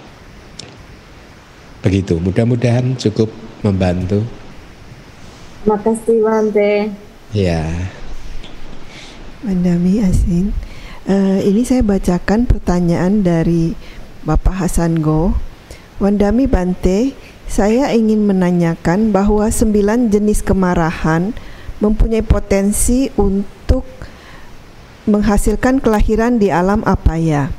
Sedangkan seorang sotapana belum melenyapkan kilesa dosa, namun sudah tidak akan terlahir lagi di alam apa ya. Kedua penjelasan ini agak bertolak belakang. Mohon penjelasannya Bante Anumodana. Baik, ya bagus. Pertanyaannya bagus. Ya, tadi uh, saya sebenarnya sudah sampaikan sih uh, meskipun dosa itu di atau kebencian itu dihancurkan oleh uh, anagami maga hanya anagami yang sudah menghancurkan total dosa. Tetapi ketika uh, dia mencapai tingkat kesucian sotapana skadagami itu ditipiskan. Karena kebencian itu polanya sama. Itu berbeda dengan loba. Kalau loba itu uh, perwujudannya bisa berbeda-beda seperti jawaban saya kepada saudara Joni tadi. Tapi kalau kebencian itu polanya sama. Sehingga itu sejak ketika dia mencapai tingkat kesucian sotapana dosa yang kasar itu sudah dilenyapkan, sudah ditipiskan, di, dikikis begitu kalau bahasa di Indonesia itu biasanya ya. Dosa yang kasar yang dikikis itu adalah dosa yang mempunyai kekuatan untuk memunculkan kelahiran di empat apaya. Itu sudah dikikis terlebih dahulu, sudah diamplas istilahnya, sudah diamplas sampai hilang oleh pencapaian uh, oleh kemunculan sotapati maga, jalan sotapati. Ya, jadi sejak dia menjadi seorang sotapana, maka sebenarnya tidak hanya dosa saja, tapi juga uh, apa eh, kilesa-kilesa yang lain yang mempunyai kekuatan untuk uh, apa mempunyai kekuatan untuk menghasilkan kelahiran kembali di empat apa ya itu dikikis ya dilenyapkan ditipiskan oleh sotapati maga sehingga ketika seseorang menjadi seorang sotapati maga maka kilesa-kilesa yang tersisa itu ibaratnya sudah sangat tipis ya Uh, semua kilesa yang kasar-kasar yang mempunyai potensi untuk memunculkan kelahiran kembali di empat apaya sudah lenyap. Makanya pintu empat apaya tertutup bagi seorang sota pana gitu dan juga di teks dikatakan ketika efek dari pengikisan kilesa yang besar seperti itu efek keduanya adalah menyusutnya juga jumlah kelahiran kembali bagi seorang sotapana ya jadi diberi perumpamaan begini, kalau putu jana itu jumlah kelahiran kembali yang di depan nanti setelah ini itu jumlah kelahiran kembalinya itu tidak terhingga. Seperti jumlah debu yang ada di seluruh permukaan bumi ini begitu ya. Nah ketika putu jana tadi menjadi seorang sotapana maka jumlah kelahiran kembalinya tinggal tujuh kali lagi maksimal ya. Atau kalau dia mempunyai aspirasi lahir di rupa Brahma rupa Brahma maka ya lebih dari tujuh ya. Seperti di kelas pertama tentang marak yang sudah saya sampaikan itu. Dengan diberi perumpamaan di kitab kita itu seperti jumlah debu yang ada di genggaman. Jadi ketika seseorang mencapai tingkat kesucian sotapana, itu efeknya itu sedemikian hebatnya karena perbandingannya itu tadi dari jumlah kelahirannya yang tidak terhingga sebanyak debu di muka bumi tinggal sekarang hanya debu yang ada di dalam genggaman saja gitu. Nah, itu efek juga dari penghancuran kilesa-kilesa yang dilakukan oleh uh, Sotapati Maga atau jalan Sotapati. Demikian pemahamannya Pak Hasan. Mudah-mudahan jelas. Terima kasih Yasin atas penjelasannya. Selanjutnya kepada Bapak Paulus Petrus kami persilakan Bapak Paulus Petrus. Ya, selamat pagi Bante, namo budaya. Iya. Hanya kan Bante, Bante menjelaskan bahwa marah adalah merupakan salah satu sosok gitu kan seperti makhluk gitu Uh, nggak dengar Pak saya Pak. Halo Bante. Agak putus-putus tadi ya, nah, Pak. Ya, kan Bante kan menjelaskan bahwa Mara itu adalah merupakan satu sosok makhluk gitu kan Bante. Nah, uh, kita tahu dalam tradisi kita uh, di Indonesia pada zaman dahulu misalnya seperti zaman kerajaan Majapahit mungkin kan sampai sekarang juga kita lihat kita seperti uh, apa masyarakat di Hindu gitu Bante. Itu kan suka memberikan persembahan gitu Bante. Persembahan sesajen sesajenan gitu Bante. Nah, apakah ini ada ada apa? Ada manfaatnya karena uh, pernah saya pernah saya baca juga di dalam Diga Diga Nikaya, Diga Nikaya bahwa Buddha juga mengajarkan bahwa kita juga boleh mempersembahkan apa bahan kepada para dewa gitu tadi. Iya. Iya. iya Pak. Benar Pak. Uh, apa yang anda katakan terhadap Buddha, per, apa uh, yang anda sampaikan tentang Buddha tadi benar. Jadi Buddha juga mengajarkan dewa tak Bali bahasa bahkan katanya ini kata palinya juga Bali gitu B A panjang L I gitu jadi itu persembahan kepada para dewata gitu dan Buddha juga mengajarkannya meskipun uh, uh, mengajarkan dalam arti uh, setelah melakukan persembahan kemudian direnungkan bukan untuk meminta bantuan para dewa tetapi merenungkan dewata anusati uh, kontemplasi terhadap para dewata. Dengan cara merenungkan bahwa para dewa yang mungkin yang bersangkutan bisa melihatnya berkomunikasi atau hanya melihat itu ya e, ketika berada di dalam hutan begitu dan kemudian timbul niat untuk mempersembahkan apa pun yang tidak melanggar kalau biku persembahan yang persembahan yang tidak melanggar winaya e, dia misalkan seperti itu tapi kemudian yang dianjurkan adalah untuk merenungkan merenungkan pencapaian kedewataan yang uh, dewa tersebut. Merenungkan bahwa uh, dewata tersebut sekarang terlahir sebagai dewa itu adalah karena perbuatan-perbuatan baiknya di masa lalu yang kemudian berbuah memunculkan kelahiran kembali di alam dewa uh, tertentu itu ya. Dan hingga akhirnya memunculkan uh, rasa kegembiraan di dalam batin kita bahwa uh, ternyata kehidupan itu uh, ya itu adalah sesuatu yang baik untuk dilakukan. Meskipun kemudian juga kita paham kan bahwa tujuan kita sebagai murid Buddha itu tidak berhenti hanya terlahir sebagai dewa saja. Tujuan kita adalah untuk tidak terlahir lagi gitu ya. Nah, uh, jadi kalau tadi Anda tanyakan apakah itu boleh melakukan persembahan kepada dewata boleh boleh asal niatnya yang benar bukan untuk meminta supaya problem kehidupan saya selesai ya. Bukan untuk uh, meminta perlindungan dan lain sebagainya ya. Karena uh, kenapa?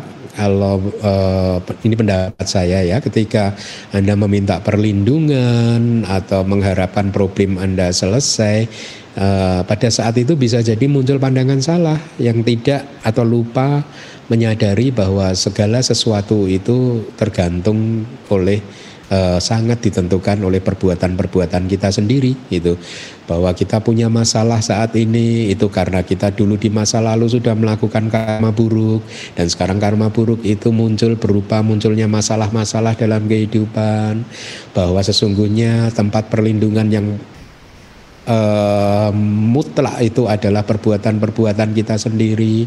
Kita tidak bisa berlindung kepada makhluk lain ya. Tapi ketika kita berpikir bahwa kita bisa berlindung pada makhluk lain, bisa jadi itu adalah pandangan salah itu. Jadi dalam konteks yang seperti itu sejauh yang saya tahu uh, maka uh, uh, tidak disalahkan untuk melakukan persembahan kepada uh, para dewata. Demikian Bapak mudah-mudahan membantu.